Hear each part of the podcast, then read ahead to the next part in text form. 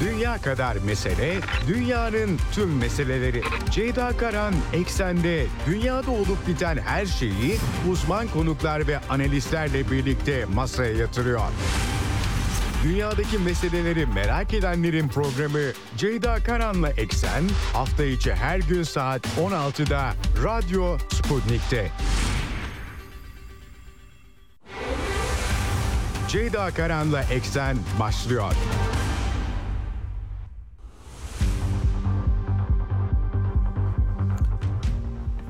Eksenden merhabalar efendim. Bugün 29 Şubat 2024 günlerden Perşembe. Dünyadan haberlerle karşınızdayız 80'de. Hafta içi her gün olduğu gibi e, oldukça yüklü notlarımız var. Size aktarmaya çalışacağım. Tabii ki Orta Doğu sahasından aynı zamanda e, Ukrayna çatışması, iç savaşı ve Rusya Federasyonu'nun özel harekatı ile ilgili çok çarpıcı, kritik gelişmeler var.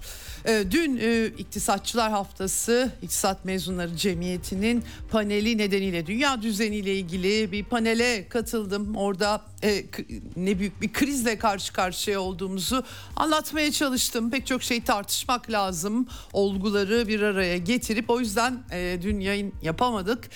Ama bugün derleyip toplayıp aktaracağım size. Tabii Gazze'de kıtlık alarmı 30 bini aşmış durumda. Can kayıplarının sayısı Birleşmiş Milletler devletlerden kıtlıkla ilgili uyarılar yapılıyor. Artık kıtlık diye ifelen, ifade edilebilecek bir duruma e, geldiğini belirtiyorlar. E, aynı zamanda müzakereler ve e, Joe Biden'ın dondurma yalarken ateşkesle ilgili yorumları çok tartışıldı iki gündür. E, e, ve e, Amerikan yönetiminin Mart ortasına kadar İsrail'i bu çatışmayı bitirmeye, bitirmesine çalıştığı yolunda da bir takım haberler e, geliyor aktaracağım sizlere. E, tabii e, aslına bakarsanız çok büyük bir değişiklik yok. Amerikan politikaları bakımından e, ama e, nihayetinde Amerikalıların rahatsızlıkları da e, aktarılıyor. E, bu bağlamda Axios'ta haberler yer aldı. Onları e, size anlatmaya çalışacağım. Tabii bütün küresel dengeleri değiştiren Ukrayna krizi 2014'te darbeyle başlayan iç savaş ve Rusya Federasyonu'nun diplomatik e, biçimde diplomatik yöntemlerle krizi çözme çabaları BM onaylı anlaşmaların uygulanmaması sonucunda e, ortaya çıkan özel harekat artık iki yılını doldurmuş vaziyette. Batı'da e, özellikle Avrupa kanadında Amerika'nın da yavaş yavaş elini ayağını çekme alametleri sergilediği bir ortamda başkanlık senesi bu sene Avrupa'da tam bir panik e, rüzgarı esiyor diyebiliriz. E, aslında size aktarmıştım salı günü Emmanuel e, Macron'un açıklamaları geldi üstüne Slovakya Başbakanı aslında bütün bunları açık etti. E, Macron e, birlik göndermeyi göz ardı edemeyiz çıkış yaptı dalga dalga Almanya'dan Polonya'ya aslında sertlik yanlılarını bulundu. Hatta İngiltere'ye asker göndermeyecekleri açıklamaları arka arkaya geldi. Tabii paralı askerlerin sahada olduğunu anlıyoruz. E, Fransız özel birlikleri vurulmuştu hatırlayacaksınız. E, Olaf Scholz'un açıklamaları çok çarpıcı. E, kendi içlerinde tartışmalar yaratıyor. Fransa, Almanya ve İngiltere ekseninde e, bunları da açıklayacağım, aktaracağım size. Bugün e, Rusya Devlet Başkanı'nın Federasyon Konseyi açıklamaları var. Bütün gözler oraya çevrilmişti. E, çünkü Zelenski'nin bir barış planı yeniden İsviçre aracılığıyla pişirilmeye çalışılıyor. Ancak değişen hiçbir şey de yok. Çin diplomasisi Gökün Göçmen'le salı günü konuşmuştuk. E, e, Avrupa turuna çıkıyor Çinli temsilci. Rusya Federasyonu'nu da ziyaret edecek. Oradan da önemli notlarım olacak. Tabii ki Amerikan başkanlık seçimlerinin gidişatı çok önemli. E, bütün bu e, olup bitenlerin nereye yöneleceği bakımından ve Trump durdurulamıyor. Bu hafta onda konuşmuştuk. Michigan seçimlerinde de ön seçim yarışında da yine ipi Trump göğüsledi. Hakikaten Biden için de tartışmalı sonuçlar var tek başına demokratların adayı olsa da. Hepsini derleyip toplayıp size aktarmaya çalışacağım önümüzdeki dakikalarda ve e, ardından da e, Atasam analisti dış politika yazarı Hasan Erel'le e, söyleşimiz var. Çok kısa bir süre önce kayıt yaptık. Saatler kendisine uymadığı için ama e, rahatlıkla dinleyebileceksiniz. Kısa süre önce Moskova'daydı o da Primakov Enstitüsü'nün davetlisi olarak gitmişti. Oradaki havayı da kendisine sordum ve Avrupa'nın bu paniğini değerlendirmesini istedim. Programın son bölümünde de Hasan Erel'le e, söyleşimiz yer alacak. Evet e, artık bizi karasal yayın frekanslarından sadece 5 il değil 7 bölgede 24 ilde dinleyebilirsiniz ama onun dışında Telegram hesabından e, e, Sputnik Türkiye web sitesi üzerinden rahatlıkla radyomuzun yayınlarını dinleyebilirsiniz diyelim başlayalım. Dünya kadar mesele, dünyanın tüm meseleleri. Ceyda Karan Eksen'de dünyada olup biten her şeyi uzman konuklar ve analistlerle birlikte masaya yatırıyor. Dünyadaki meseleleri merak edenlerin programı Ceyda Karan'la Eksen hafta içi her gün saat 16'da Radyo Sputnik'te.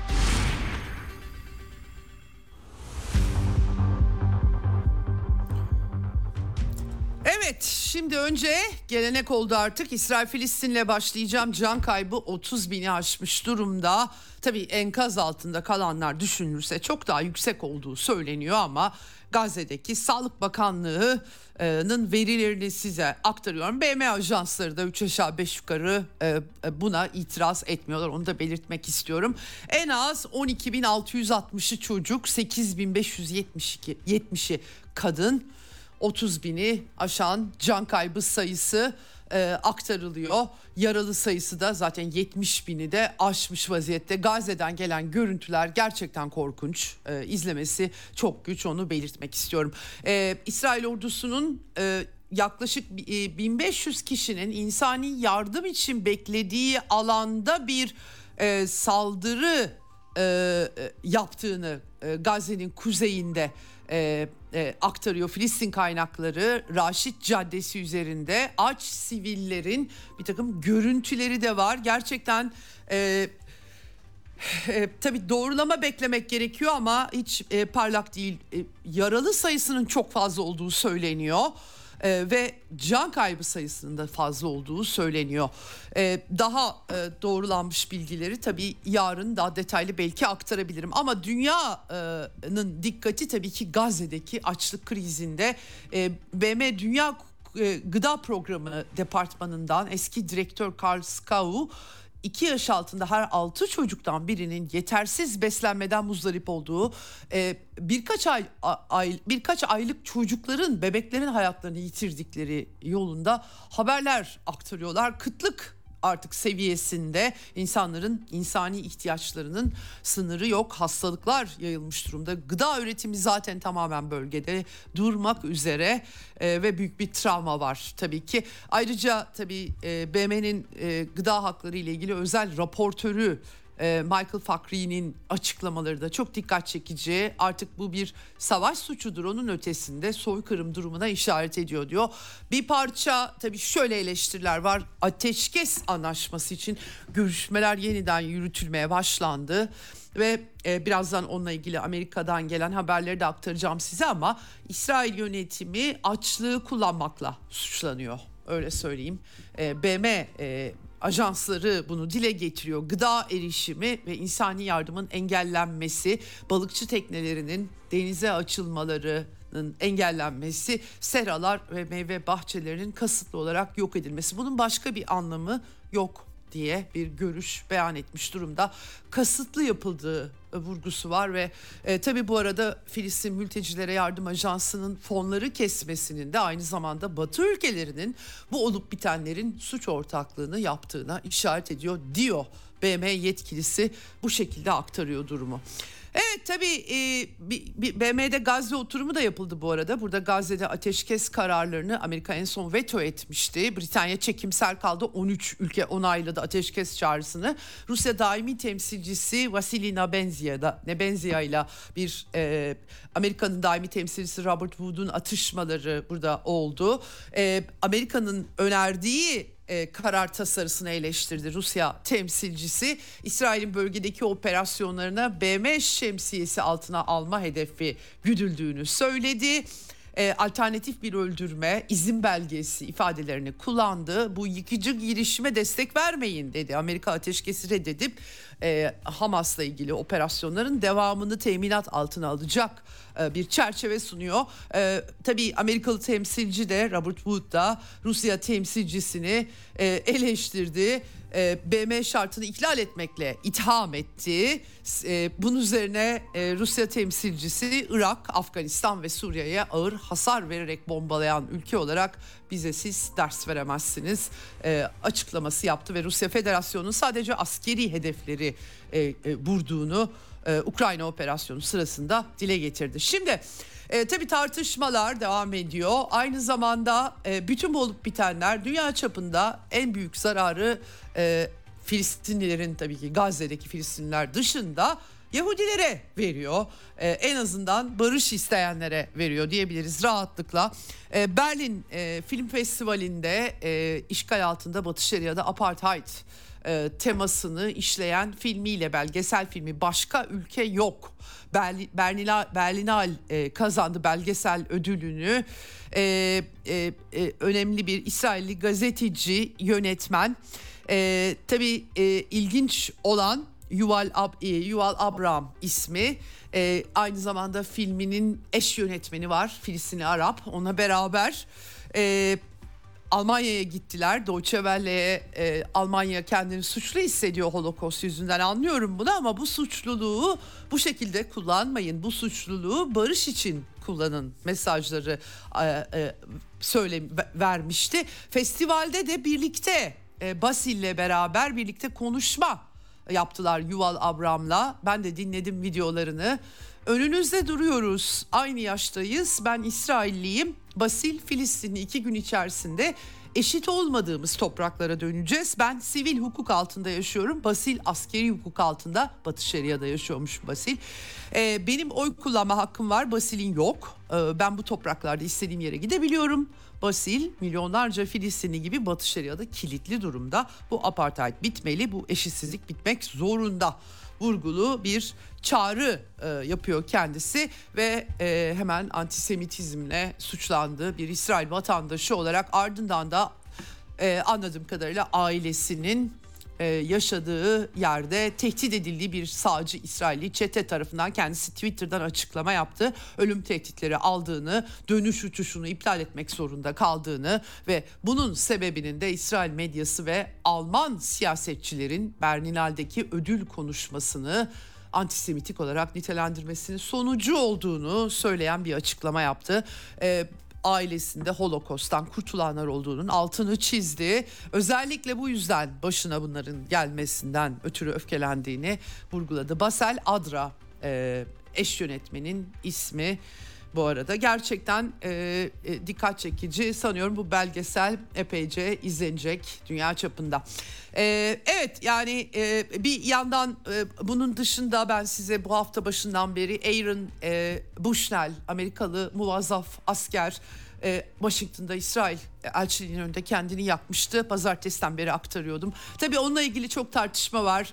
E, bu soykırıma e, suç ortaklığı yapamayacağım diyerek kendini kurban etmişti. Çok büyük yankı yarattı dünya çapında.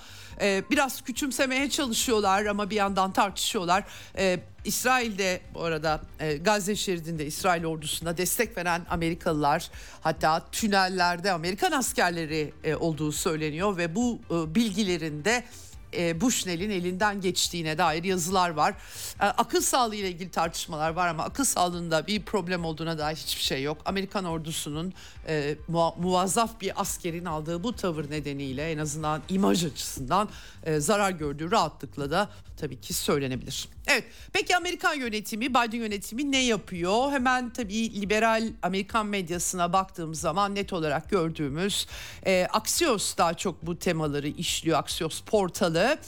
E, Şimdi e, burada daha çok e, Amerikan yönetim Biden yönetiminin bir İsrail'e Mart ortasına kadar süre verdiği daha önce de aslında Ocak ortası diye süreler 2023 sonlarında da bu olmuştu benzer durum. O yüzden sonucu ne olacak bilmiyorum ama bu sefer e, bir yazılı güvence istedikleri iddiaları yer almış aksiyonda e, Amerikan silahlarını kullanırken uluslararası hukuka uyacaklarına dair bir güvence olduğu söyleniyor. Axios'un yetkililere dayandırdığı haberinde eğer güvenceler sağlanmazsa ABD e, silah transferini durduracak iddiaya göre böyle olacak. Ya bunun bir alameti yok doğrusu söylemek gerekirse ama e, anladığım kadarıyla Amerika içerisinde artık bu şekilde tartışılıyor ve bu şekilde de sızdırılıyor. E, tabii e, demokratlar Amerika'da demokratlar arasında çok büyük bir huzursuzluk olduğu söyleniyor seçim senesinde. E, fakat Amerikan yönetiminin resmi düzeyde e, bu tarz bir açıklaması yok. İsrail zaten uluslararası hukuka uyuyor söylemine de devam ediyorlar. E, e, böyle bir çerçeve var. Tabii e, Joe Biden'ın dondu ben size salı günü aktarmıştım dondurma yalarken ateşkes haberlerini e, e, nane parçacıklıymış o dondurmada bu arada. Umuyorum hafta sonuna kadar ateşkes sağlanacaktır. Ulusal Güvenlik Danışmanım bana yaklaşıyoruz dedi ama tamamlanmadı henüz demesi. herkesin tepkisini çekti. Hatta The Economist dergisinin Orta Doğu muhabiri Greg Carlstrom eleştirmiş. Hiçbir şey yarıya kadar ağzınıza aldığınız bir dondurma külahıyla yaklaşık 30 bin kişinin ölümüne yol açan bir savaştan bahsetmek kadar bunu ciddiye alıyoruz diyemez diyerek dalga geçmiş durumda. Gerçekten öyle bir durum var. E, bu arada Ramazan açıklaması e, e, NBC, NBC'de e, e, bir şova da çıkmıştı Joe Biden. Burada e, daha çok esirlerin bırakılmasına odaklı konuştu. Salı, salı günde aktarmıştım.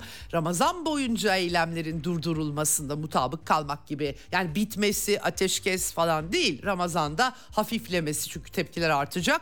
E, bir yandan da Siyonizmle ilgili e, Siyonist olmanız için Yahudi olmanıza gerek yok dedi demiş Joe Biden. Ben bir Siyonistim. İsrail olmasaydı dünyada tek bir Yahudi bile güvende olamazdı. Bu da tepki çekti tabii. Amerika'daki Yahudiler nasıl yani biz Amerika'da güvende değil miyiz diye eleştirilerini dile getirdiler.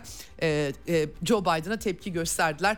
Tabii e, Biden bir yandan masum sivillerin, çocukların, bebeklerin öldürülmesini İsrail'e dünyada desteği azaltabileceğini söylemiş. Yani şaka gibi geliyor doğrusu bana. Yani bu şekilde yürütülmesi bu çatışmanın zaten çok büyük ölçüde belirli sağcı odaklar, ülkeler, iktidarlara rağmen bütün Amerika dahil olmak üzere dünya kamuoyunda çok büyük tepki zaten çekmiş durumda. Ama bu eleştiriler bu hal alınca Netanyahu adeta Biden'ı yanıtlar gibi Amerikan kamuoyunun anketleri e, göstermiş Harvard Harris Poll anketi örneğin %82 çıkmış İsrail'e destek e, zafere kadar devam etmemizi sağlayacak anketler bizi Amerikan halkının bizi desteklediğini söylüyor demiş. Bilmiyorum yani anketler ne kadar doğru ışık tutuyor olup bitenlere ama tabii Amerika İsrail ilişkilerinde bir sıkışmışlık yarattığını, Joe Biden yönetimini çok zorda bıraktığını rahatlıkla olup bitenlerini söyleyebiliriz. Avrupa kanadında da e, aktarmıştım size artık Joseph Borrell refah bölgesi Gazze şeridinin güneyine bir operasyon olursa o kadar 1.9 4 milyon insandan bahsediliyor sadece güney hattında. O insanlar nereye gidecek? Ay'a mı gidecekler diye tepki vermişti. Ursula von der Leyen'i Avrupa Komisyonu Başkanı'nı eleştirmişti.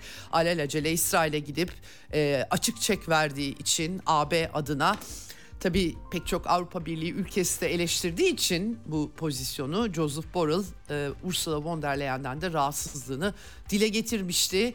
Avrupa bahçıvanı diyoruz kendisine Ukrayna çatışmasından beri malum. E, oradan yansıyan görüntülerin jeopolitik olarak Avrupalıların Avrupalara zarar verdiğini söylüyor. Çok doğru bir tespit bu. Ukrayna çatışması da çok zarar verdi Avrupa'nın militarist duruşu nedeniyle Avrupalılara ama tabii Orta Doğu'da da bu kadar sivil, Ukrayna'da böyle bir bu kadar bir, bir sivil ölümü yok. Cidden askerler orada kapışıyorlar öyle diyebiliriz. Evet. Şimdi e, Kuzey cephesinde bu arada e, e, hakikaten İsrail yönetimi bir çıkmazda Hizbullah'la e, içten içe devam ediyor kapışma fakat kuzey bölgelerinde İsrail'in yaşayanlar evlerine geri dönemiyorlar. Dönebilmeleri için Lübnan'a büyük bir çatışma çıkması gerekiyor. Onun da sonunun ne olacağı meçhul. Ee, Suriye'yi yine e, Suriye'de e, ABD'nin e, Suriye'deki daha doğrusu üstüne roketli saldırı var. İsrail yine Suriye'yi vurdu. Suriye hava savunması e, e, tepki gösterdi. Rusya Federasyonu bu arada El-Kaide bölgesi İdlib'de burada terörist hedefler üzerinde e, hava saldırıları var. Suriye sağ aslında da yeni gelişmeler e, oluyor. Orası da çok durgun değil. Yemen cephesi Gazze Savaşı nedeniyle Kızıldeniz hattı Yemen'deki Ensarullah hareketi yani Husiler de aynı şekilde orada biraz daha karışık bir tablo ortaya çıktı. Çünkü Amerika ve İngiltere kendi başlarına Yemen'i vurmaya başladılar biliyorsunuz. E, neyi çözdü bu? E, tanker trafiği Süveyş kanalında açılabildi mi? Yok açılamadı. Rusya ve Çin gemileri geçiyor ama diğerleri biraz sıkıntılı bir görünüm sergiliyor. Avrupa Birliği misyonu 19 Şubat'ta Amerika'dan ayrı olarak başlatılmıştı. Fransa ve Almanya başını çekiyordu ama gelen son haberlere göre efendim e, dün Almanya medyası Alman fırkateyninin e, Avrupa Birliği'nin e, bir Husi milislerinin iki saldırısına önleme yaptığını yazmıştı. Yalnız anladığım kadarıyla iş biraz daha e, çetri karışık. Çünkü Alman fırkateyni Hesse'den bahsediyoruz bu arada. Yanlışlıkla Kızıldeniz'de bir Amerikan MQ-9 Reaper İHA'sına saldırmış. Dost ateşi açılmış. Bu MQ-9'un da başına son dönemde gelmedik kalmadı işin doğrusu. En son Husiler bir tane düşürmüşlerdi. Karadeniz'de e, Rusya aynı şekilde bir önleme yapmıştı MQ-9'a. E, pahalı da cihazlar bunlar onu belirtmek gerekiyor. E, ve son olarak da e, Almanya'da e, işte Hessen e, fırkateyninin ateş açtığı bilgileri var. var. Aspides e, misyonu deniyor. E, Suat Delgen'le konuşmuştuk AB misyonunu hatırlayacaksınız. E, iki kamikazeyi engellemiş e, Husi füzelerini ama aynı zamanda MQ-9'a da bir ateş açmışlar. E, e, hemen e, yani tabii aynı e, bölgede birden fazla böyle harekat olunca e, herhalde böyle sonuçlar doğabiliyor diye yorumlayacağım. Askeri anlamda yorumunu yapamıyorum ama e, son tahlilde Kızıldeniz'de de durum böyle. Bu arada Çin'e ait ticari gemilerin hakikaten e, geçmekle kalmayıp bir de e, sigorta olarak büyük indirimler e, yap aldıkları söyleniyor. E, Amerikalıların adeta Çinlilere yalvardığı İran üzerinden Husileri durdurmak için Çin Halk Cumhuriyeti'ne yalvardıkları yolunda iddialar ayyuka çıkmış durumda. Ama diyorlar ki tabii Bloomberg gibi kuruluşlar artık yani Çinliler de bu işlerden kar elde ediyorlar filan gerçekten. Avrupa'ya olan hep Avrupa'ya birazdan Ukrayna krizine geçeceğim aktaracağım. Avrupalıların başına gelmedik kalmıyor. Tabii ki kendi izledikleri politikalar nedeniyle bunlar oluyor. Evet bu arada Orta Doğu'dan bir son birkaç not daha İran Dışişleri Bakanı Abdullahiyan ee, e, Mısır Dışişleri Bakanı ile Cenevre'de BM İnsan Hakları Konseyi toplantısı vardı. Hafta başında aktarmıştım size. Bu vesileyle bir araya gelmişler. Tabii 1979 e, İran İslam devriminden bu yana Mısır'la ilişkileri iyi değil. E, no, çok düşük düzeyde diplomatik ilişkileri. Bu konuda uzlaşma sağladıkları e, bilgileri var. E, Abdullahiyan tarafından açıklandı. Dikkat çekici. Aynı zamanda e, İran Dışişleri Bakanı nükleer silahsızlanma te- teklifinde bulunmuş durumda. E, dünya için tehlikeli bir noktaya gelindiğini söylüyor. İran'da bu arada seçimler artık yaklaşmış vaziyette. İç siyasette hareketli durumda ve e, önümüzdeki aylarda da yine aynı zamanda e, bu bölgede Rusya, Çin ve İran'ın da deniz ve hava tatbikatları yapacağı notunda aktarmak e, istiyorum size. Evet şimdi Gelelim Ukrayna. Bütün e, her şey buraya odaklı. Hakikaten Batı'nın Ukrayna iç savaşının 8.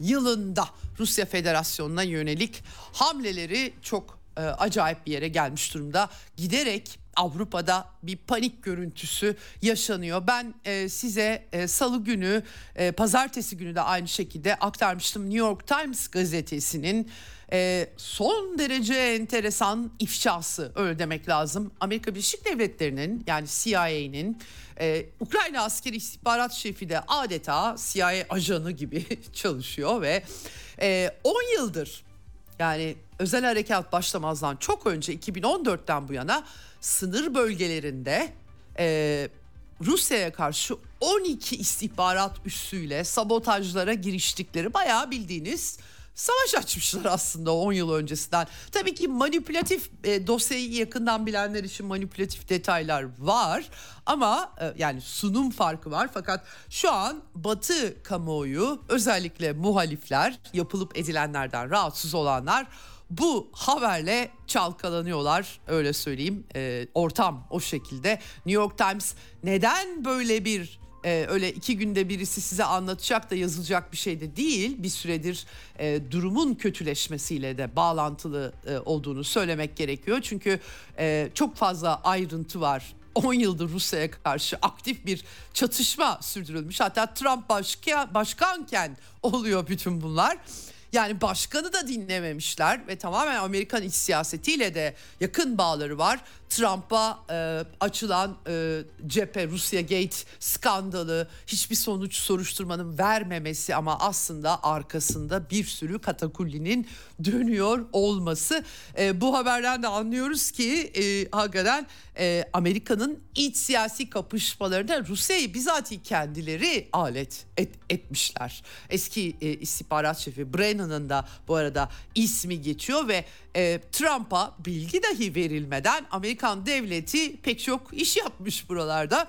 Şimdi bir yönüyle de hani acaba Trump'a e, hani sen kazansan bile biz bildiğimizi okuruz mesajı mı veriyorlar diye insanlar tabii ki tartışıyorlar.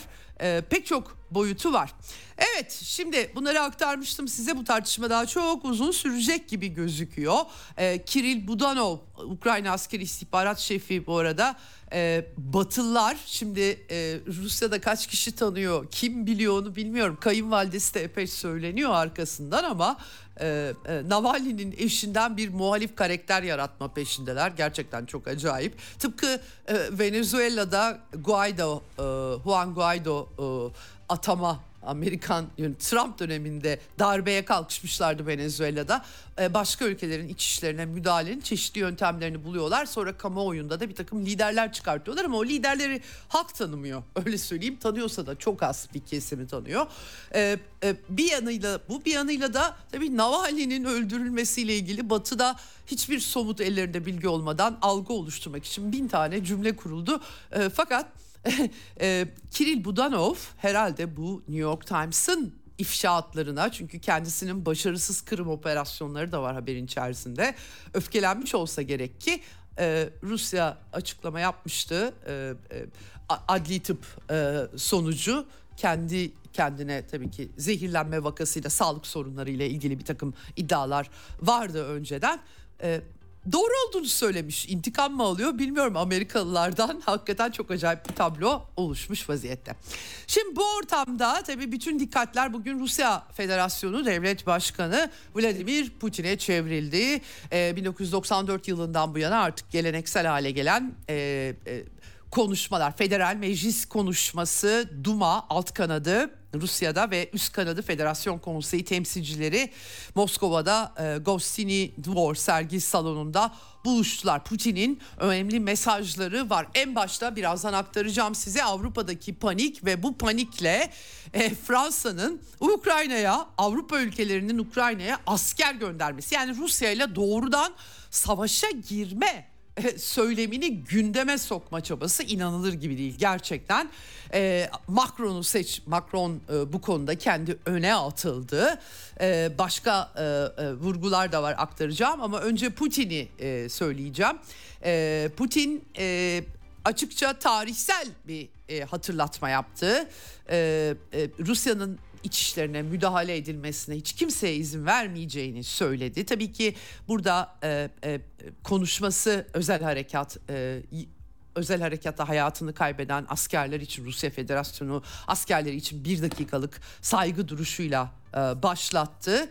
E, Rusya'nın e, bölünmesi parçalanmasının amaçlandığını Rusya yerine istediğini Batı'nın yaptırabileceği çürüyüp giden bir coğrafyaya ihtiyaç olduğu saptaması yaptı ama Rusya halkının birleştiğini vurguladı. Askerlerle birlikte siperlerdeki askerler arkalarında hissediyorlar bütün bir halkı dedi. Herkes iki yıldır elinden gelen her türlü desteği veriyor dedi. Ee, Batı'nın Ukrayna'da yaşananları çizgi film zannettiğini söyledi. Ee, çoktan unutmuşlar zorlu sınamalardan geçmemiş insanlar. Yani yeni kuşak Avrupa'ya işaret ediyor. Biz hala hatta bugünkü neslimiz bile Kafkasya'da uluslararası terörle mücadele sırasında çok ağır sınamalardan geçtik. Yani biz bu işi biliyoruz. Sovyetler Birliği'nden sonra da çok yıpratılmaya çalışıldı Rusya Federasyonu. Biz biliyoruz ama Batılılar her şey kendileri için hazırlanmış bir çizgi film e, e, olduğunu her şeyi zannediyorlar demiş. Özel harekatın bütün hedeflerinin gerçekleştirileceğini, yerine getirileceğini, nazizmin ortadan kaldırılarak kaldırmak için her şey yapacaklarını tekrarlamış. Amerika ile ilişkilerde tabii Rusya'nın stratejik yenilgiye uğratılması hedefinin konulduğunu hatırlatmış. Böyle koşullar ortadayken eğer varsa stratejik istikrarın tartışılmasının gülünç olduğunu yani silahsızlanma görüşmeleri ki bu anlaşmalar tek taraflı olarak önce Amerikalılar tarafından çöpe atılmıştı. Amerikan yönetimleri tarafından dolayısıyla bir de böyle New York Times'taki gibi operasyonlar yürütüyorsunuz. Hangi silahsızlanma hangi strateji stratejik istikrar e, neyi tartışacağız e, vurgusu. Avrupa'nın güvenlik sistemini zaten siz dağıttınız diyor Vladimir Putin. E, e, eşit ve bölünmez yeni bir güvenlik sistemi gerektiğini söylüyor ve şöyle ifadeleri de var. Egemen ve güçlü bir Rusya olmadan kalıcı bir dünya düzeni mümkün değildir. Evet, nükleer silahlı büyük bir ülke Rusya, kaynakları zengin bir ülke. E, bu açıdan tabii dost ülkelerle her türlü e, işbirliği, Şangay İşbirliği Örgütü, BRICS örgütü, Güneydoğu Asya ülkeleri aynı şekilde vurgusu var. Bu e, noktada bir de tabii uzayda Amerikalıların en son ortaya icat ettikleri uzayda nükleer silah meselesi. Asılsız suçlamalar bunlar, aldatmacalar demiş kendisi. Zaten sistemlerimizi biliyorlar. Biz e, Batı ülkelerinin topraklarındaki hedefleri vurabilecek, vurabilme kapasitemiz zaten var bizim. Ama Avrupa'ya saldırmak gibi bir niyetimiz yok demiş. Ee, özellikle de bu konuda e, kendileri böyle iddialarda bulunuyorlar. Kendilerini e, hedefler e, gösteriyorlar. Hatta Ukrayna'ya asker göndermekten bile bahsediyorlar. Avrupa'ya saldırmayacak bu bir saçmalık. Basbaya yalan söylüyorlar demiş. Bu arada Rusya Federasyonu ordusunun kazandığı deneyimlere atıf yapmış ve Batı'nın e, eylemlerinin adeta nükleer çatışmaya davet anlamı taşıdığı e, özellikle Rusya'nın Avrupa'ya saldıracağı gibi icat ettikleri korkutma e, hedefli iddiaların e, bir e, medeniyetin yok olması anlamına gelebilecek iddialar olduğunu bu çatışmayı Rusya Federasyonu'nun başlatmadığını ama Rusya Federasyonu'nun bitireceğini nazizmi ortadan kaldıracaklarını ve egemenliklerini korumak için her şeyi yapacaklarını söylüyor Rusya lideri. Aynı zamanda tabii Rusofobi, Batı'da çok geniş Rusofobi olduğunu ve adeta kör ettiğini Batı'yı akıldan mahrum bıraktığını söylemiş. Özellikle Macron'un teklifi tabii. Ee, orada işte e, diyor ki ülkemize asker gönderenlerin akıbetini unutmadık. Napolyon hatırlatmasından Hitler hatırlatmasına tarihsel çerçeve e, biz bir zamanlar ülkemizin topraklarına asker gönderenlerin akıbetini unutmadık. Artık olası müdahaleciler için bunun sonuçları çok daha trajik olur. Topraklarındaki hedefleri vurabilecek silahlarımız olduğunu anlamalılar. Bu şekilde formüle ediyor. Tabii İsveç ve Finlandiya'nın üyeliği, NATO'ya üyeliği bunların Rusya'nın e, aynı zamanda NATO'ya katılım yeni katılımlar düşünüldüğünde e, Batı yönünde askeri varlıklarını güçlendirmesi gerektiği anlamına geldiğini söylemiş. Sovyetler Birliği döneminde kullanılan e, taktikleri taklit ederek Rusya'yı silahlanma yarışına sokma peşinde olduklarını dile getirmiş e, Putin. Tabii ekonomi alanında da Batı'nın e, kendi bindiği dalı kestiği Rusya ekonomisinin 2023'te e, hızla büyümesi IMF'yi de şaşırtan büyüme oranlarına atıf yapmış. E, iş dünyasına paralarınızı batıya götürmeyin demiş. Zaten e, hakikaten enteresan aktarıyorum size ben. Rusya'nın varlıklarını çalıp Kiev'e aktarma gibi planlar yapıyorlar. E, e, e, bu çerçevede Putin de böyle bir mesaj vermiş. İçeride paraları tutup gelişmek anlamında konuşmuş. Küresel buğday pazarındaki Rusya'nın liderliğinde anımsatmış tahıl dahil olmak üzere pek çok e, mesele var biliyorsunuz. Böyle bir durum. Şimdi Tabii Avrupa'nın krizi size Slovakya Başbakanı'nı aktarmıştım. Ee, adam cidden paniklemiş gibi gözüküyordu adeta. Ee, yani barıştan bahseden kimse yok. Tüylerimi diken diken etti konuştuğumuz konular. Alenen asker gö- göndermekten bahsediyorlar diye çıktı konuştu. Hemen arkasından Macron e, açıklama yaptı. Macron'un açıklaması çok enteresan tabii aslında. Bu Paris'te bir konferans düzenliyorlar 26'sında pazartesi günü ve işte beyin fırtınası ne yapacağız? E, bu aslında ben size cephedeki durumu aktarıyorum. Cephedeki durum daha kötü demek ki. Belki de benim aktardığımdan da kötü. Bu kadar panik başka türlü yorumlamak mümkün değil çünkü. E, e, mühimmat yokluğu ben size bunu aylardır aktarıyorum. Çünkü e, askeri kanallarda, muhalif kanallarda bunlar detaylarıyla e, ortaya konuluyor. Ben de dış haber olarak takip ediyorum elbette karşılaştırmalı olarak ama şimdilerde bütün Batı medyasında mühimmat paniği e, ne yer veriliyor. Bundan bir, birkaç ay öncesine kadar pek yoktu açıkçası ya da göz ardı ediliyordu. Şimdi artık geçti. Tabii Paris'teki toplantı anladığım kadarıyla ya da beyin fırtınası her neyse bunun için yapılmış gözüküyor. Ee, ve e, aslında çelişki şurada. Macron'un ifadeleri şu şekilde efendim. Durum değişmezse yani durum kötü değişmezse durum kötü demeye getiriyor. Rusya zafer kazanacak. Avrupa'da barış kalmayacak iddiası bu. Kendileri bozdular barışı. Ee, Rusya'nın savaşı kazanmaması için gereken her şeyi yapacağız. Ee, asker göndermek göz artı edilmiyor. Şöyle bir kritik ifade var. Bugün resmi olarak onaylanmış bir şekilde birliklerin sahaya gönderilmesi konusunda fikir birliği yok. Yani res, gayri resmi olarak oradalar. Ee, bunun doğrulaması anlamına da geliyor açıkçası bu cümle ki yakın zamanda bir e, e, Fransız güven e, e, Fransız özel kuvvetleri, özel paralı askerleri vurulmuştu, hedef olmuştu. Yayın da yapmıştık bu konuda hatırlayacaksınız. Bir, bir, bir buçuk ay oluyor herhalde. E, Macron bunu açık bıraktı. E, stratejik belirsizlikleri sürdürüp yani tehdit caydırıcılık artık nasıl nereden anlarsanız ee, ama tabii ki derhal Almanya, Polonya hatta Britanya Downing Street'ten tepki göster geldi. Biz e, yani resmen asker göndermeyi hiçbirisi yanaşmıyor. Tabii burada Polonya Başbakanı, Cumhurbaşkanı Duda dahil olmak üzere pek çok ülke e, resmi anlamda yanaşmıyor. Fakat açıklamaların e, böyle satır aralarına baktığınız zaman gayri resmi olarak İngiliz ve Fransızların sahada olduğunu net olarak görüyorsunuz hakikaten. Şimdi burada hemen Scholz'un e, açıklamalarına bakmak lazım. Almanya Başbakanı'nın e, NATO çatışmanın tarafı değil olmayacak. Rusya ile Ukrayna arasında savaşın e, NATO ile Rusya arasında savaşa dönüşmesini istemiyoruz. E, tüm müttefikler görüş birliği içerisinde Fransa ile görüş farklılığı var açıkça ama görüş birliği diyor Scholz. Ama bu aynı zamanda şu anlama e, geliyor Almanya savaşa katılmayacak. Açıkça söyledi Scholz bunu. Doğrudan şunu söyleyebilirim. Federal şansölye ve silahlı kuvvetler mensuplarını federal şansölye olarak Almanya ordusunu savaşa göndermeyeceğim. Üzerindeki büyük baskı da çıkıyor buradan aslına bakarsanız.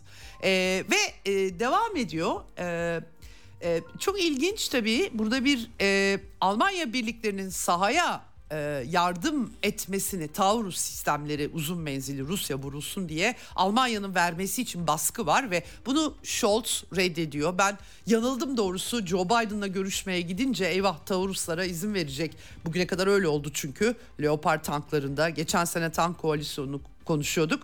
Ee, ama e, biraz e, zannedersem işin ucunun yaş olduğunu mu gördü artık. Taurusları göndermiyor Scholz ve şöyle izah etmiş. Taurusları eğer gönderirlerse Alman birliklerinin sahada yardım etmeleri gerekecek ve e, e, çünkü hedef kontrolü e, bu, bu tür konularda İngilizler ve Fransızlar tarafından yapılanlar Almanya'da yapılamaz. Bu sistemi bilen herkes bunu biliyor demiş. Hiçbir yerde bu sistemlerin ulaştığı hedeflerle Alman askerleri ilişkilendirilemez. Şimdi bu şu anlama geliyor. Fransız ve İngilizler oradalar, yapıyorlar bunu. Yani açıkça hatta İngiliz medyası e, e, Daily Mail örneğin öfkelenmiş Scholz'a e, gizli bilgiyi kötüye kullandı, ifşa etti durumumuzu gibi bir haber yazmışlar. Gerçekten inanılmaz. Hani Fransa ile e, Almanya açı, arasındaki açık farklılık e, ortada. Doğrusunu söylemek gerekirse hiç yoruma gerek yok. Örneğin Politico e, gazetesi, internet sitesi bunu anlaşmazlığı net olarak ortada görünüyor diye haber yazmış ama bununla da sınırlı kalmıyor. İngilizlerle de var ortada bir sorun. Fakat tabii e, Fransa Başbakanı Gabriel Attal e, Fransız senatosunda da bu arada bir sürü gürültü koptu. Bu Macron'un göz ardı etmiyoruz demesi üzerine açıkça Fransa e, e daha ileri adımlar atmamız lazım diyerek e, e, savunuyor Macron'un pozisyonunu biraz e, hani e, ters yüz oldu. Ama e, örneğin işte mühimmat alınacak burada da çok büyük acayiplikler var. Üçüncü ülkelerden kendileri üretemiyorlar. Yani Avrupa yeteri kadar top mermisi örneğin üretemiyor üretim modeli böyle değil. Ne yapacaklar şimdi? İşte üçüncü ülkelerden satın almak. Ee, tabii silah piyasası karışık işler. Bilemiyorum ne kadara mal olacak ama e, 1 milyon mermi sözü geçen sene verilmişti. İşte 400 bin, 500 bin, 500 bin altında dediler. Zelenski topu topu 300 bin verdiler dedi. Tutturamıyorlar. Ee, ve bu Paris'teki toplantıyı da biraz bunun için yaptıklarını anlıyorum doğrusu. Ee, top mermisi Haziran'da kalmayacak Kiev'in e, hatta Mart sonunda hava savunma sistemleri kalmayacak deniyor. Ben size Patriotları aktarmıştım. Patriot sistemleri vuruluyor. Çok pahalı sistemler bunlar. Dolayısıyla bir çaresizlik var burada. E, bu çaresizlik e, Avrupa Birliği ülkeleri içerisinde Almanya, Fransa ve e, aynı zamanda İngiltere Brexit'le çıksa da bu çatışmanın tarafı olarak aralarındaki e, problemleri ortaya seriyor. Fransa Başbakanı Le Pen'i Fransa parlamentosunda da büyük tartışmalar kopmuş işte Putincilikle suçlamış falan böyle acayip acayip işler tabii. Yurtseverler Partisi'nin lideri Florian Filippo e, adeta Macron'un bu sözlerinin Rusya'ya savaş açmak anlamına geldiğini söylemiş. Fransız vatandaşları böyle bir savaş mı istiyor? Nereden çıktı bu şeklinde? E, Fransızların Zelenski ve NATO için ölmek isteyeceklerini sanmıyorum demiş. Macron'u engellemek gerekiyor demiş. E, böyle bir tabii ki kendi işlerinde tartışma devam ediyor. E, tehlikeli açıklamalar yapan yalnız şunu belirtmek lazım. Sadece Macron değil Stoltenberg'in son dönemdeki açıklamaları da çok e, geçtiğimiz perşembe örneğin F-16 tedarikiyle bağlantılı olarak e, Taurus ve Atakams Amerikalıların uzun e, menzilli füzeleriyle Almanya'nın Tauruslarının tedarik edilmesi ve istediklerini vurabilmesi için adeta yeşil ışık yakmıştı Stoltenberg. Yani Moskova'yı vuracak mesela NATO silahlarıyla filan. E, e, öyle İHA'lardan MİHA'lardan filan e, küçük ev yapımı şeylerden bahsetmiyorum.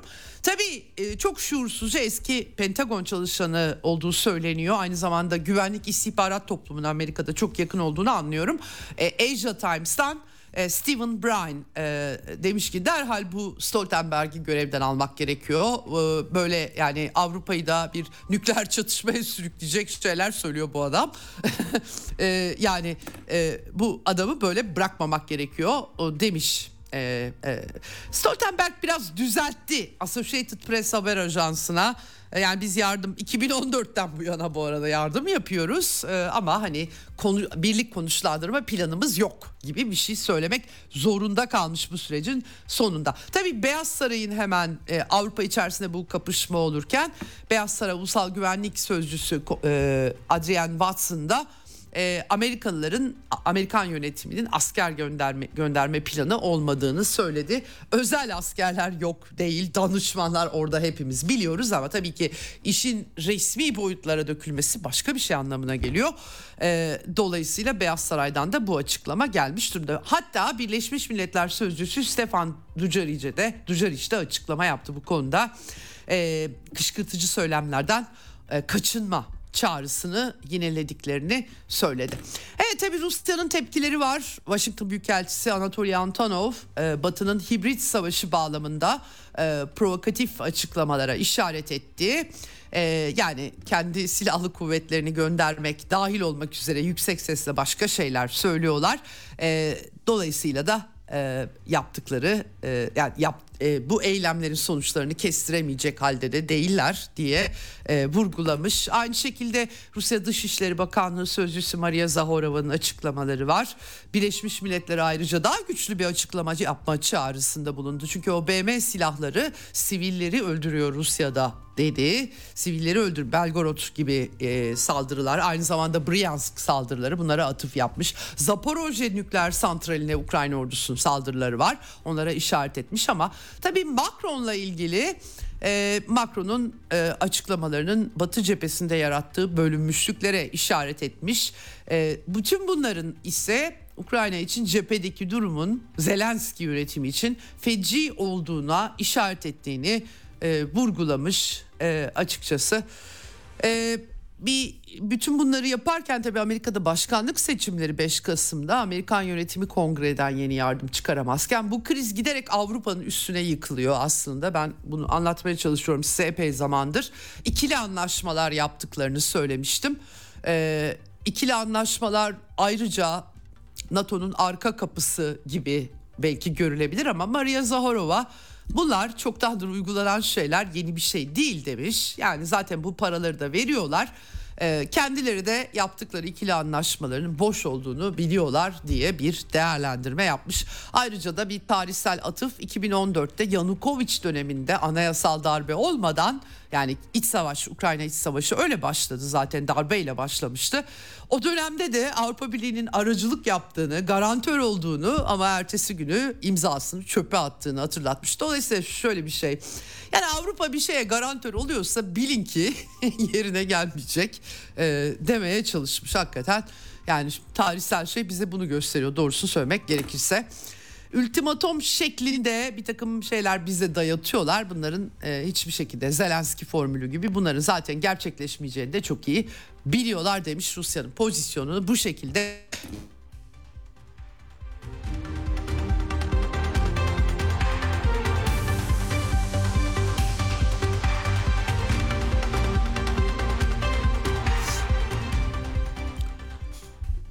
Evet şimdi bu siyasi tartışmalar niye yapılıyor efendim? Çünkü sahada cephede durum hiç parlak değil. Belki de bu kadar Avrupa'da panik varsa bizim bildiğimizden ben de bütün telegram kanallarını askeri kanalları artık askeri uzman oldum neredeyse taraya taraya bakıyorum.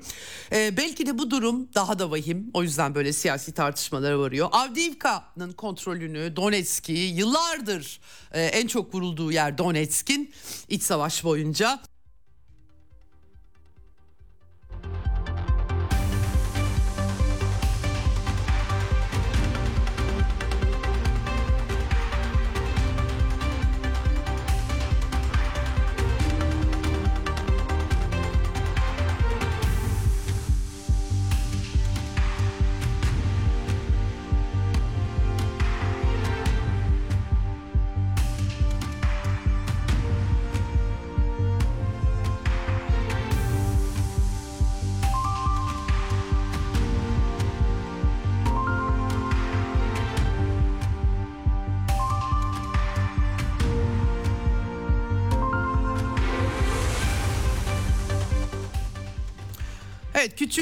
kesinti oldu ama hemen geri döndük. Ee, neden bunlar şimdi oluyor deyip biraz cepheyle ilgili e, artık sona doğru geliyoruz çünkü. Ee, e, Avdiivka e, kontrol altına alındıktan sonra civar köylerde Rusya Federasyonu güçlerinin ilerleyişi devam ediyor. Lastoçkino'yu kontrol altına almışlardı. E, Svernoye köyü aynı şekilde e, Donetsk'in e, Avdiivka 25 kilometre kuzeyinde ama diğer cephelerde de mesela Orlovka'da efendim e, Stepoye, Berdiçi'de de aynı şekilde e, ilerleme var. O bölgeye Ukrayna güçlerinin yedek asker gönderdikleri söyleniyor. Geçen gün aktarmıştım Abrams tankı imha edilmişti. E, yalnız bu 5 tank olduğu söyleniyor. Biri imha edilmiş. Rusya Rus kaynakların verdiği bilgiler bunlar. E, kuzey hattında o Çeritenye'de ilerlemeler var. Rusya Federasyonu'nun Bahmut Artyomovsk bölgesinde Çasofyar'a doğru ilerlemeler var. Zaporojye'de Rabotino e, bölgesi 25 Şubat'tan beri devam ediyor Dnieper grubunun ilerlemesi e, ve e, yeni yedek askerleri sürmesi de Ukrayna tarafının pek işe yaramıyor gibi gözüküyor. Kupyans'tan kuzey cephesinden yani biraz daha e, az bilgi var ama e, bütün bunlar tabii Sergey Shoigu taarruzdan söz etmiyor Rusya Savunma Bakanı. E, yıpratma savaşının devam ettiğini söylemek gerekiyor. Aktif savunma diye adlandırılıyor Rusya Federasyonu tarafından bütün bunlar. Ama tabii e, bütün bu siyasi tartışmalar içerisinde e, Batılılar artık sahayı biraz daha iyi görüyorlar doğrusunu söylemek gerekirse. Ee, çok komik açıklamalar da var Abrahams'larla ilgili Beyaz Saray sözcüsü Karen Karen e, Karin Jean, Jean Pierre e, Rusların ima ettiği M1 Abrams tankı Amerikan tankı değil. Ukrayna'ya nakledildi. Ukrayna'ya ait Amerikan tankları hala dünyanın en iyisidir diye bir açıklama yapmış. Çok enteresan bu. Yani bir tankı Ukrayna'ya verdiğiniz zaman Amerikan tankı olmaktan mı çıkıyor diye millet dalga geçiyor tabii ki. Ee, önce Olaf Scholz'a leoparları göndertmişlerdi. Leoparlar cephede yandı. Ee, Ukrayna sahası, Donbas sahasında Bradley Bulvarı diyorlar. Yakılan Amerikan zırhlı araçlarının bulunduğu bölgeye alay konusu oluyor açıkçası. Şimdi bakalım Abrams'larda başka e, ne olacak? Tabii e, bütün bunlar e, Amerika'da, Batı'da Rusya savunma sanayinin... E, canlanmış vaziyette olduğu tartışmalarını da arttırmış durumda. Bunların hiçbirini öngöremeyip de işte geçen yaz taarruzunda kazanıyor e, Zelenski yönetimi diye haberler yapmışlardı. Şimdi tam tersini yazıyorlar. Bu da e, dikkat çekici. Evet şimdi e, e, bir de Transnistria bölgesi bir Moldova e, e, Cumhuriyeti'nin ağır baskısı altında Rusya'dan yardım talebi var.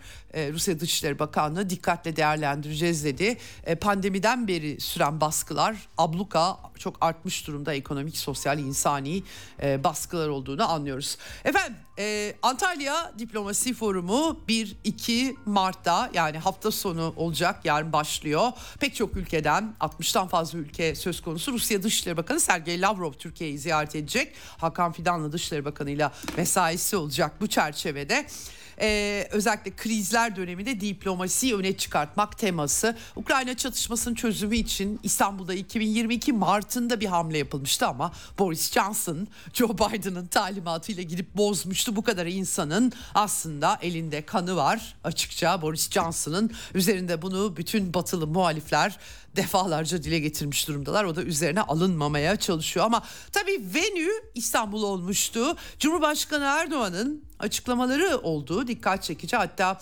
e, Zelenski formülünün işlendiği bir Ukrayna Güneydoğu Avrupa zirvesi yapıldı. Oraya video mesaj göndermiş.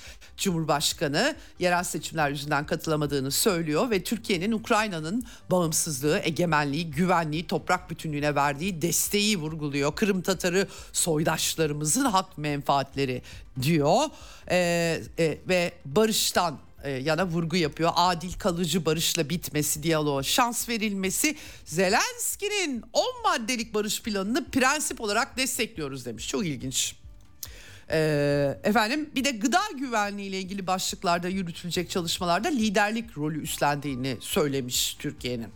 Tahıl girişimi ne atfen. Oradan da Karadeniz'de ticari gemiler için seyir sefer emniyetini sağlayacak bir düzenlemeye ihtiyaç vardır demiş. Niye? Ee, bir sorun mu var Karadeniz'de ticari seferler üzerinde bir tehlike mi var? Nereden kaynaklanıyor bu tehlike ben bilmiyorum ama Cumhurbaşkanı bu şekilde formüle etmiş. Tabii Tekrardan İstanbul'da bir müzakere masası kurulur mu onu bilmiyorum. Ee, Sergey Lavrov ve Hakan Fidan'ın görüşmesine de bakmak gerekiyor ki bu konuda Rusya Dışişleri Sözcüsü Zaharova e, Ukrayna krizinin güncel durumu ile ilgili görüş alışverişi yapılacağını söyledi. Mevcut durum analiz edilecek dedi ve sadece Kiev'in e, Rusya çıkarlarını ve endişelerini dikkate alması koşullarında mümkün olabilecek ihtilafın barışçı çözümünün ilkeleri tartışılacak dedi. Bu Cumhurbaşkanı'nın dile getirdiği Zelenski'nin 10 maddeli barış planıyla e, çok e, ilgili bir şey değil tabii bunu da belirtmek gerekiyor. Evet e, bu bugün e, aslında bu müzakere Ukrayna tarafı yasakladı müzakereleri zaten barış planı ne anlama geliyor ben bilmiyorum önce o yasağı kaldırmaları gerekiyor eğer İstanbul'da yeniden bir bir şey yapılacaksa E, ama e, Rusya heyetine başkanlık eden Vladimir Medinsky'nin e, talimat verilirse tabii Türkiye'ye gideriz demiş. Daha ne diyecek zaten başka yani e, başka denecek bir şey yok. Böyle bir durum var. Evet e, böyle bir çerçeve var. E, Amerika'dan da notlarım vardı ama çok az vaktim kaldı. Doğrusu e, Joe Biden tıbbi muayene olmuş. Gayet iyi çıkmış durum, sağlık durumu. Ayrıca Beyaz Saray akıl sağlığı ile ilgili bir sorun da olmadığını söylemiş. Bilmiyorum demans tartışmaları var. İstisnasız bütün görevleri yerine getirebilir durumdaymış. Efendim Trump Michigan eyaletinde aldı ön seçimlerde. Yine bir fark atmış gözüküyor rakibine e, ve e, CIA ve FBI'da reform planları olduğu Amerikan medyasında tartışılıyor. Tabii e, Joe Biden'ın oğlu Hunter Biden e, Burisma şirketiyle bir takım e, yolsuzlukları Biden'ın özel projesi Ukrayna kongrede ifade vermiş. Ben Rusya saldırganlığına karşı savaşmak için görev aldım Burisma şirketinde demiş. Gerçekten çok komik açıklamalar ama belki yarın biraz daha detaylı aktarabilirim. Şimdi e, Hasan Erel'le konuştuk. Avrupa'daki paniği, batıdaki paniği, Rusya'daki durumu onu dinliyoruz.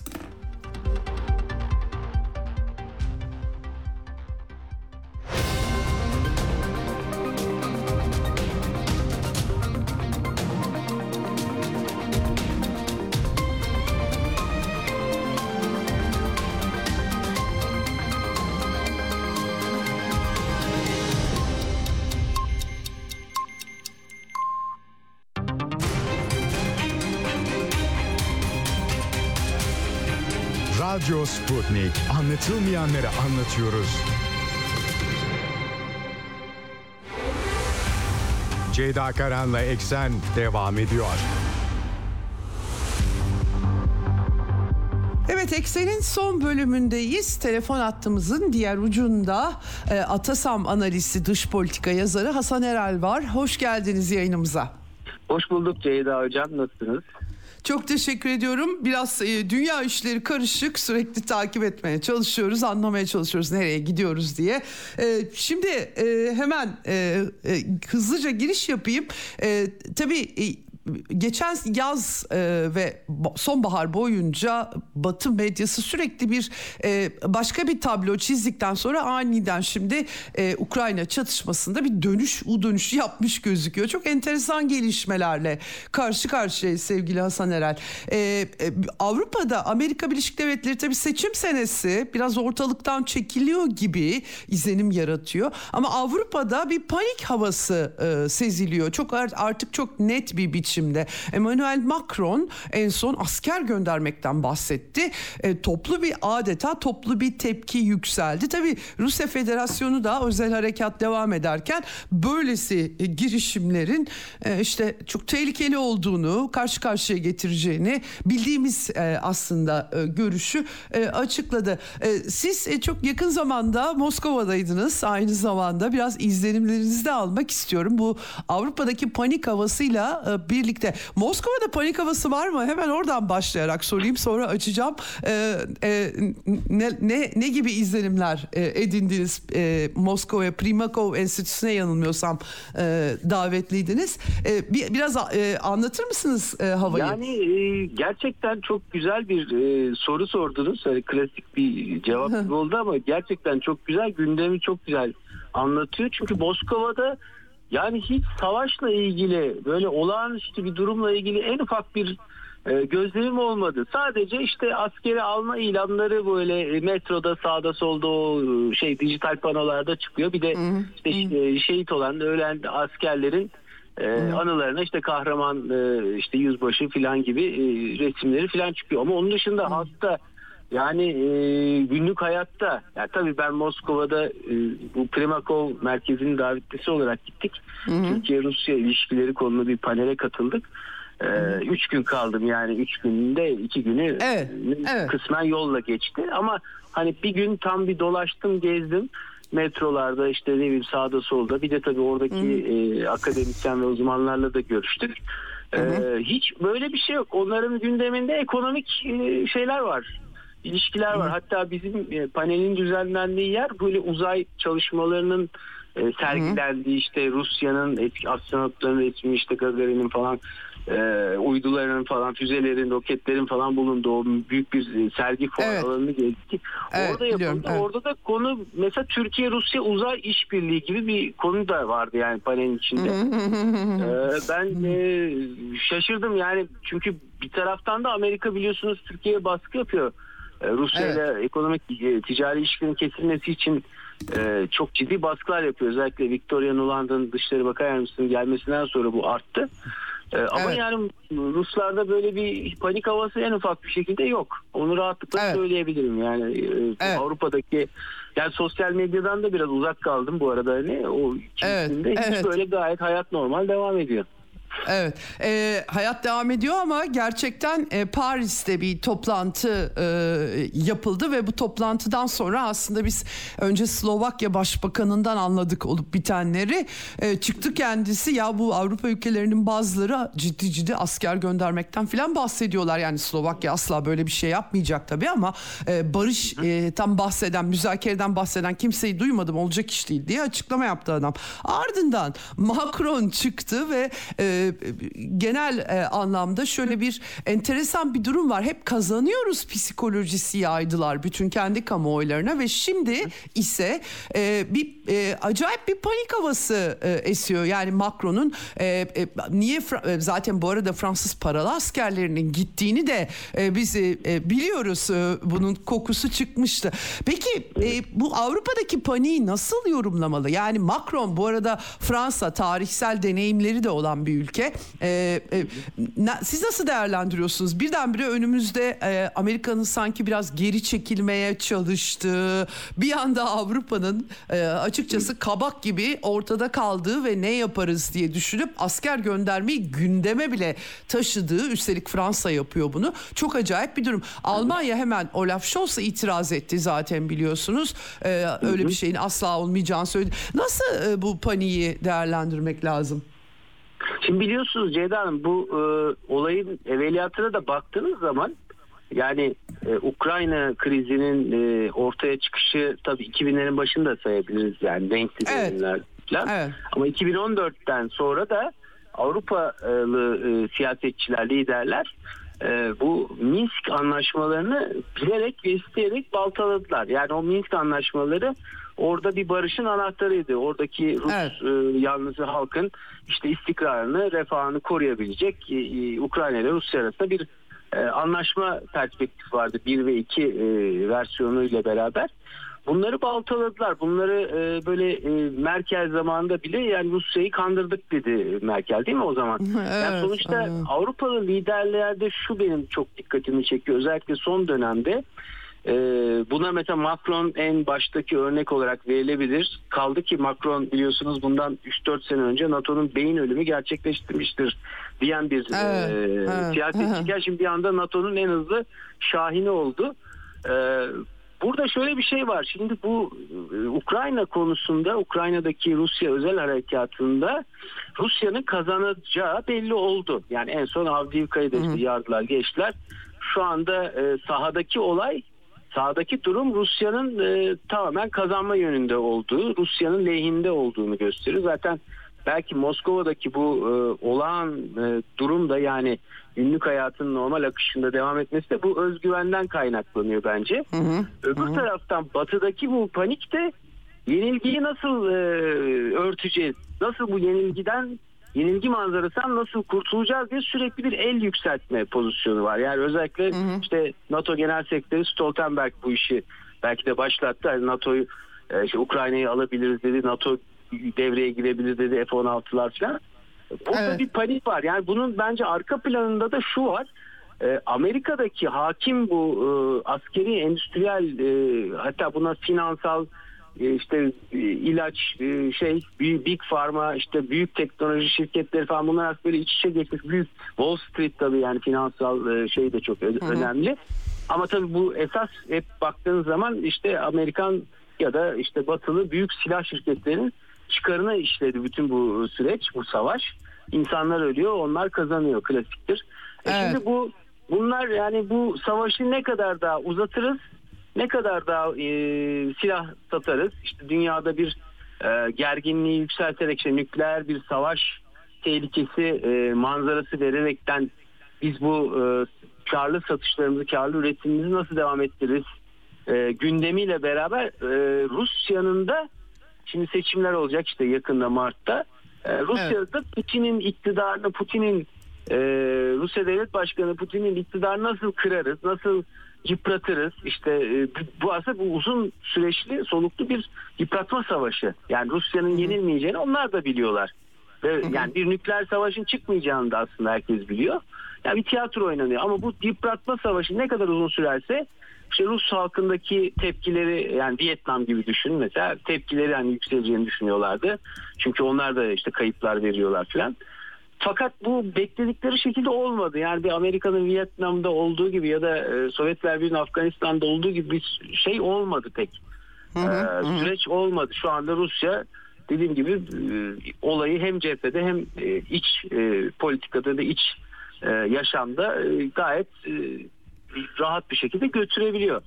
E, ben işte mesela dün Kremlin taraflarına dolaşırken çok enteresan hemen Kremlin'e yakın bir yerde e, Wagner'in anması vardı. O işte ölenlerin Wagner'de savaşan ölenlerin e, önüne işte mumlar konmuş resimleri falan bayraklar Wagner şeyleri falan orada Prigozhin'in de mesela resmi vardı.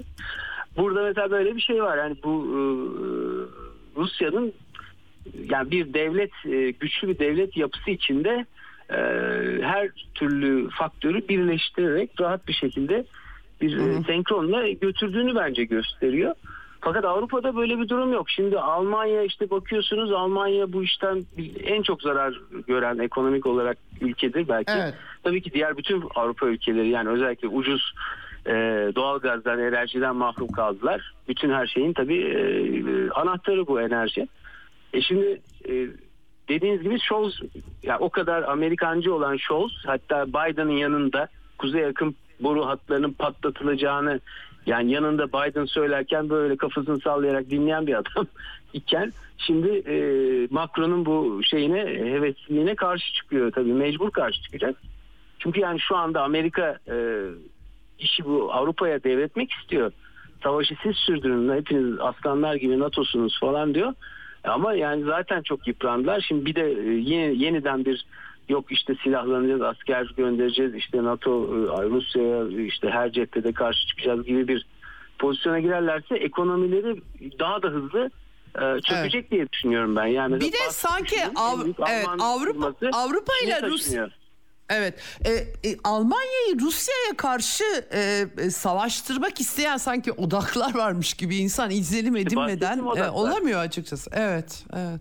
Yani bunlar işte yani buna mesela şimdi bu e, New York Times'ta ve İngiliz The Times'ta işte diğer batı basınlarında ana akım diyebileceğimiz e, batılı ana akım siyasetin temsilcisi olan e, yayın kuruluşlarında bile böyle haberler çıkıyorsa işte bir e, CIA'nin işte e, o 2014'ten beri Rusya içinde veya Evet. Donbass'ta işte böyle suikastlar bilmem neler işte yaptığı ya da İngilizlerin aynı şekilde böyle e, suikastlar işte sabotajlar düzenlediğini falan kendi basınları yazmaya başlamışsa bu aslında şey e, bir gerçekten bir panik ya da kargaşalığın olduğunu da göstergesi. E, hepsinde de bir seçim var. Avrupa Parlamentosu seçimleri var. Amerika'da işte Kasım'da seçim var.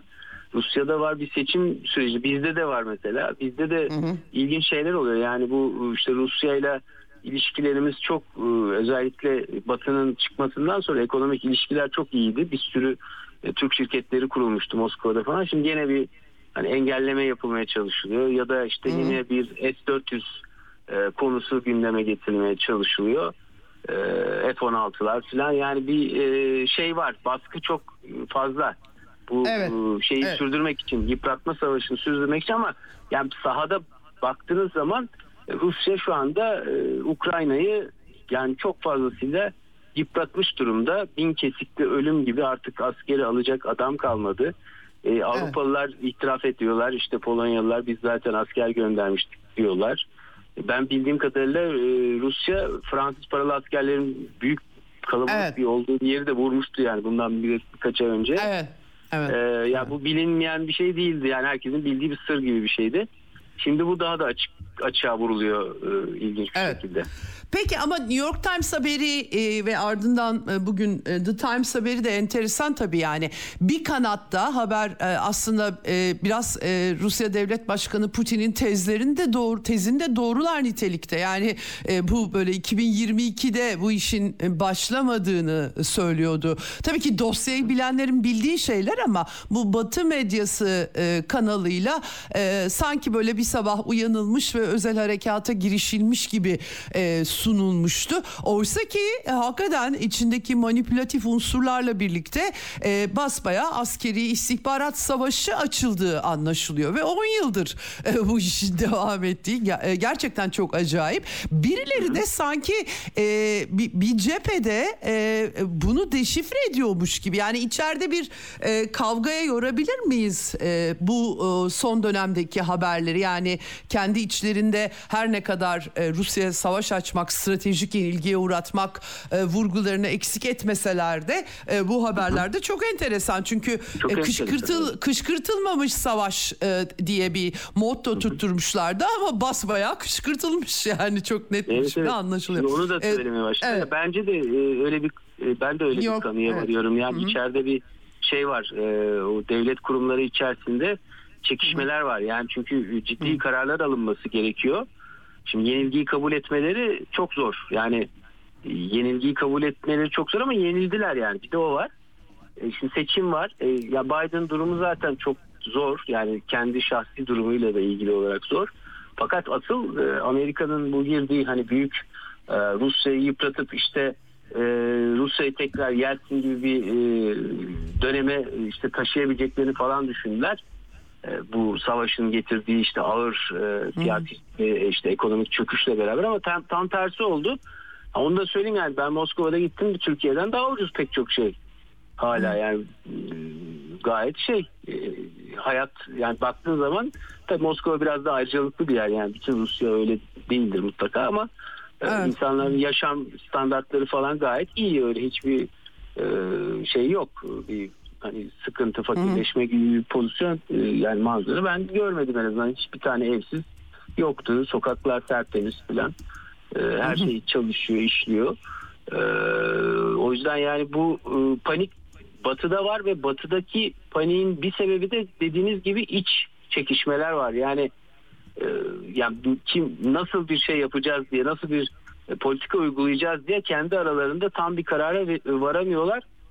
En en kararlı olan e, kesim şey işte bahsettiğim o askeri Evet. sanayi kompleks. Onların Evet. e, gündemi belli. Yani onlar bu işten ne kadar çok kar ederiz diye düşünüyorlar. Bunlar bir de tabii Amerika'yı e, perde arkasından da yönetebilen e, şeyler, e, kurumlar. Yani çok büyük paraları var, çok büyük sermaye Trump'a bir. Trump'a bir mesaj olabilir mi? Çünkü Trump da hakikaten ön seçimlerde eğer durdurulamazsa e, Cumhuriyetçilerin adayı gibi gözüküyor. Hani e, e, şimdi o kadar acayip ki o 10 yıllık çatışmada e, bildiğiniz aslında e, Trump da bir döneminde iktidardı. E, briefing bile verilmemiş, haberi bile yok olup bitenlerden belki e, daha evet, sonra Zelen- dönemde. Zelenski ile konuşması bir de Rusya Gate skandalı hiçbir sonuç çıkmayan. E, dolayısıyla Trump'a yeniden gelirse biz seni takmadan devam ederiz işimize mesajı mı veriliyor? Bir yandan insanın aklına o da düşüyor doğrusu söylemek gerekirse. İç politikalarıyla da alakalı galiba e, Tabii süreçleriyle tabii de bu, alakalı. Bu, bu, bu iç kargaşalıkta e, Trump'ın seçili, seçilme ihtimalinin çok e, yüksek olması da bence rol oynuyor. Yani çünkü tamamen Trump gel- geldiğinde e, bütün ben bu savaşı bitireceğim diyor. NATO'yu hatta e, istemiyor gibi. Yani NATO NATO karşıtı açıklamaları da var. Ee, Yani Avrupalıları Avrupalılar kendi paniğe sokuyor. Kendi Evet. sağlasınlar diyor. Ee, Yani o, o, ne- o da ne demek? NATO'nun e, yani zayıflaması ya da işte e, artık sembolik bir noktaya gelmesi demek yani. O o bakımdan da e, bir endişeleri var. Yani Trump'ı nasıl engel, engelleyeceklerini düşünüyorlar. Bir taraftan da işte bu Ukrayna'daki e, yenilgiyi yani bu yenilgi tabii sadece Ukrayna'nın yenilgisi arkasında Batı var. NATO var. Yani bir anlamda NATO'nun e, yetersizliği gibi görünecek. Yani tabii ki Ukrayna NATO üyesi değil ama bütün işte bu haberlerden son böyle yağmaya başlayan bu haberlerden ortaya çıkan şey şu ki NATO doğrudan Ukrayna'yı desteklemiş her türlü. Yani yer altından da işte terörle de başka şeylerle de silahlarla da askeri olarak her türlü desteklemiş. Şimdi orada tabii çok ciddi bir çıkmazın içindeler. Bence olan bu. Ama hani bu nükleer işte yok Putin nükleer silahları işte devreye soktu yok işte Stoltenberg nükleer savaş falan biraz bu panik yaratılmaya çalışılıyor bence. Yani e, kimsenin bence böyle bir e, şeye başvuracağını ben e, tahmin etmiyorum yani. Kimse o kadar deli değildir diye düşünüyorum ama. Evet. E, Avrupa'da öyle bir şey mi estirmek peki yani bu kadar panik yaymak e, e, mantığı e, o da çok çılgınca geliyor tabii ben artık rasyonelitenin tamamen yitirildiğini düşünüyorum doğrusunu söylemek gerekirse. Avrupa halkları e, sa- savaşa girmek mi istesin istiyorlar yani böyle bir şey mümkün mü daha doğrusu insanın çok aklı almıyor çünkü açıkçası. E, Bence onları av, av, siyaseten kendi eteklerinin altına daha çok çekmek için böyle bir korku ve panik yayıyorlar. Hmm. Yani o meşhur e, şey hikayesi hani kork, korkutup kendine işte biat hmm. ettirme gibi bir şey. Hep sürekli bir korku ve panik e, pompalıyorlar. Onlar da hani çareyi aman bizim işte e, güvenliğimizi yani bunu mesela en sembolik örneği Baltık ülkeleridir. Yani Baltık e, hmm. Baltık cüceleri yani hiçbir dertleri yokken koptu zıplaya NATO'ya girdiler. Sanki NATO'ya girince güvenlikleri sağlanacak. Halbuki orada yani kendi kendilerine otursalar kimsenin kimseye bir şey yapacağı yoktu. Başlarına bela aldılar. Yani şimdi o e, en hızlıları da bunlar biliyorsunuz. Yani böyle Rusya'ya karşı bilmem ne yapalım, füze atalım, savaşalım falan diyorlar. Yani siz bir durun ya siz kaç kilo çekiyorsunuz siz? Şimdi Finlandiya, İsveç de aynı şeye e, muameleye tabi tutuldu. Onlarda da biliyorsunuz İsveç'te falan bir savaş paniği yaratıldı. Herkes işte savaş çıkacak diye falan böyle. E, evet. E, fakat bu, bunu yaratan Rus, tehlikeyi yaratan Rusya değil yani. İşin ilginci Amerika yapıyor sürekli. NATO sürekli böyle tehditkar tatbikatlar bilmem neler falan. Yani bu sonuçta kimin işine yarıyor? İşte büyük o silah endüstrisinin ve silah endüstrisinin arkasındaki o dev e, batılı e, kapitalizmin yani oligarşinin işine yarıyor. E, işin işte yani kötü tarafı şu eskiden bu kadar etkili değillerdi. Ben onu hep gözlemliyorum. Yani Avrupalı liderler daha halkın seçtiği, daha kendi e, güçleriyle siyaset içinde başarılı olmuş insanlardı. Şimdi bu son bir 10-15 yıla geri döndüğümüz zaman bu son süreçte bu e, Avrupalı yani başbakan işte cumhurbaşkanı liderleri falan çok ciddi manada bu e, lobinin ya da bu işte etkili güçlü e, sistemin e, birer e, piyonları olduğunu görüyoruz. Yani hep ona göre hareket ediyorlar. Kendileri bağımsız bir hareket tarzı hı hı. hiç izlemiyorlar. Yani beni asıl korkutan şey bu. Yani bir güçlü bir kapitalist bir oligarşinin diyelim hani Amerika'yı da çünkü Amerikalılardan çok bunlar yönetiyor. Yani bütün siyasette işte senatör olacaksa bilmem ne olacaksa her türlü şeyde bunlar parayla işte bu şeylerle lobi faaliyetleriyle falan çok etkililer. E bunlar şimdi e, Batı'yı bir, bir anlamda hani bu neoliberalizm diye aslında yani teknik olarak adlandırdığımız her şeyin serbest olmasından dolayı devletin e, etkisiz olmasından dolayı büyük sermayenin çok etkili olması durumu şu anda bence Batı siyasetini resmen zehirlemiş durumda. Çünkü tamamen adamlar kendi e, şirket çıkarlarına göre düşünüyorlar. Ben artık siyaseti öyle görüyorum. Çünkü burada hakikaten hmm. bir mantık yok. Yani bu savaşın evet. en başından başlaması sonra da büyütülmesi ve şimdi sürdürülmeye ve nükleer bir çatışmaya doğru gitmeye e, eğilimine girmesi başka bir şekilde açıklanamaz. Yani hiç kimsenin çıkarına değil bu. Evet, e, Rusya Devlet Başkanı Vladimir Putin de bugün Federal Meclis konuşmasında e, özellikle tabii Macron'a tarihsel bir e, e, hatırlatmada e, bulundu. Napolyon'a e, benzetmiş. E, bir ülkemizin topraklarına asker gönderenlerin akıbetini unutmadık e, vurgusu yaptı ve e, ardından da yani e, bütün hedefleri vurabilecek potansiyelleri olduğunu ama Avrupa'ya saldırmak gibi bir niyetlerinin de olmadığını çok açık bir biçimde e, dil, dile getirdi. Yalan söylüyorlar diyor. E, hakikaten bu yalanla da ama büyük bir panik estiriyorlar. Bu e, Avrupa'da bunu satın alacak ne kadar insan var? Doğrusu ben biraz şüpheliyim. E, yönetimlere rağmen Avrupa'nın savaş, halkının savaş istediğini düşünmüyorum. Neden bir anda kendilerini böyle bir çatışmada e, bulduklarını tabii ancak dosyaya bakarak çatışma ortamında. Bir de e, Şeyda Hocam şu var. Evet. Ee, yani Evet. demin bahsettiğim sebebi ben dayandırıyorum ama bir de şu var bu e, Gazze olayında biraz gündemi gündemi şaşırtmaya ya da başka yere çevirmeye mi çalışıyorlar? Çünkü Gazze'de çok önemli bir gelişme var.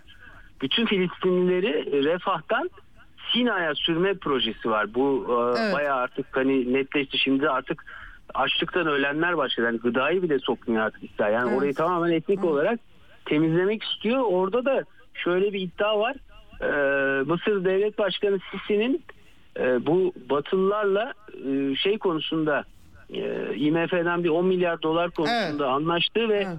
e, bu e, şeyleri en sonunda Filistinleri toprak Sina'ya kabul edeceği e, Evet. iddiaları da var. Yani burada çok büyük bir gelişme var. Çünkü bu iş ilk başladığında herkes şunu demişti. Eğer Filistinler e, Gazze'den sürülse yani Ürdün bile biz savaşı geliriz falan gibi bir şeyler demişti.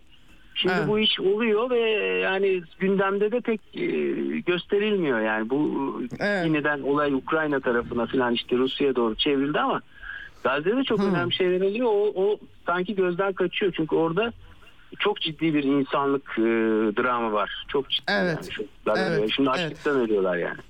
Evet haklısınız Ee, gündem değiştirme varmış gibi bir görünüm var hakikaten. Peki çok çok teşekkür ediyorum değerlendirme teşekkür için hem de izlenimleriniz için. Ee, sevgili Hasan Erel çok teşekkürler. İyi yayınlar diliyorum. Sağ olun. Evet, e, Atasam analisti, dış politika analisti Hasan Erel'le konuştuk. Kendisi yeni e, Primakov En- e, Enstitüsü'nde e, bir e, toplantıya katılmıştı. Moskova izlenimlerini de bizden e, paylaştı ama hakikaten e, e, bizi e, Avrupalıların barış ve müzakereden söz etmek sizin bir e, dünyayı, Avrupa'yı bir çatışmaya taşımaya yönelik sözleri çok dikkat çekici. Kamuoylarının e, buna itiraz e, edeceği günleri daha e, fazla itiraz edeceği, sadece çiftçilerle sınırlı kalmayacağı günleri görmek umuduyla diyelim. Yarın görüşmek üzere Eksen'den. Hoşçakalın. Ceyda Karan'la Eksen sona erdi. Dünya kadar mesele, dünyanın tüm meseleleri. Ceyda Karan Eksen'de dünyada olup biten her şeyi uzman konuklar ve analistlerle birlikte masaya yatırıyor. Dünyadaki meseleleri merak edenlerin programı Ceyda Karan'la Eksen hafta içi her gün saat 16'da Radyo Sputnik'te.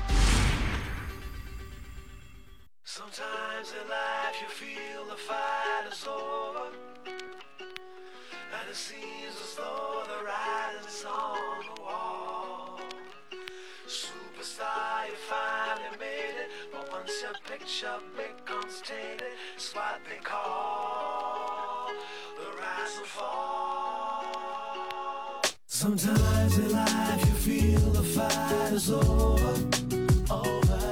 And it seems as though the writing's on the wall. Yeah. Superstar, you finally made it. But once your picture becomes tainted, it's what they call the rise and fall. Always said that I was gonna make it. Now it's plain for everyone to see. But this game I'm in don't take no prisoners, just casualties. I know that everything is gonna change. Even the friends I knew before me go. But this dream is the life I've been searching for. Started believing that I was the greatest. My life was never gonna be the same. Cause with the money came a different different status. That's when things change. Now I'm too concerned with all the things I own. Blinded by all the pretty girls I see. I'm beginning to lose my integrity. Sometimes in life you feel the fight is over. Over. And it seems as though the writing's on the wall. Yeah. Soon as you find but once your picture becomes tainted, it's what they call the rise and fall. I never used to be a troublemaker. Now I don't even wanna please the fans. No autographs, no interviews, no pictures, endless demands.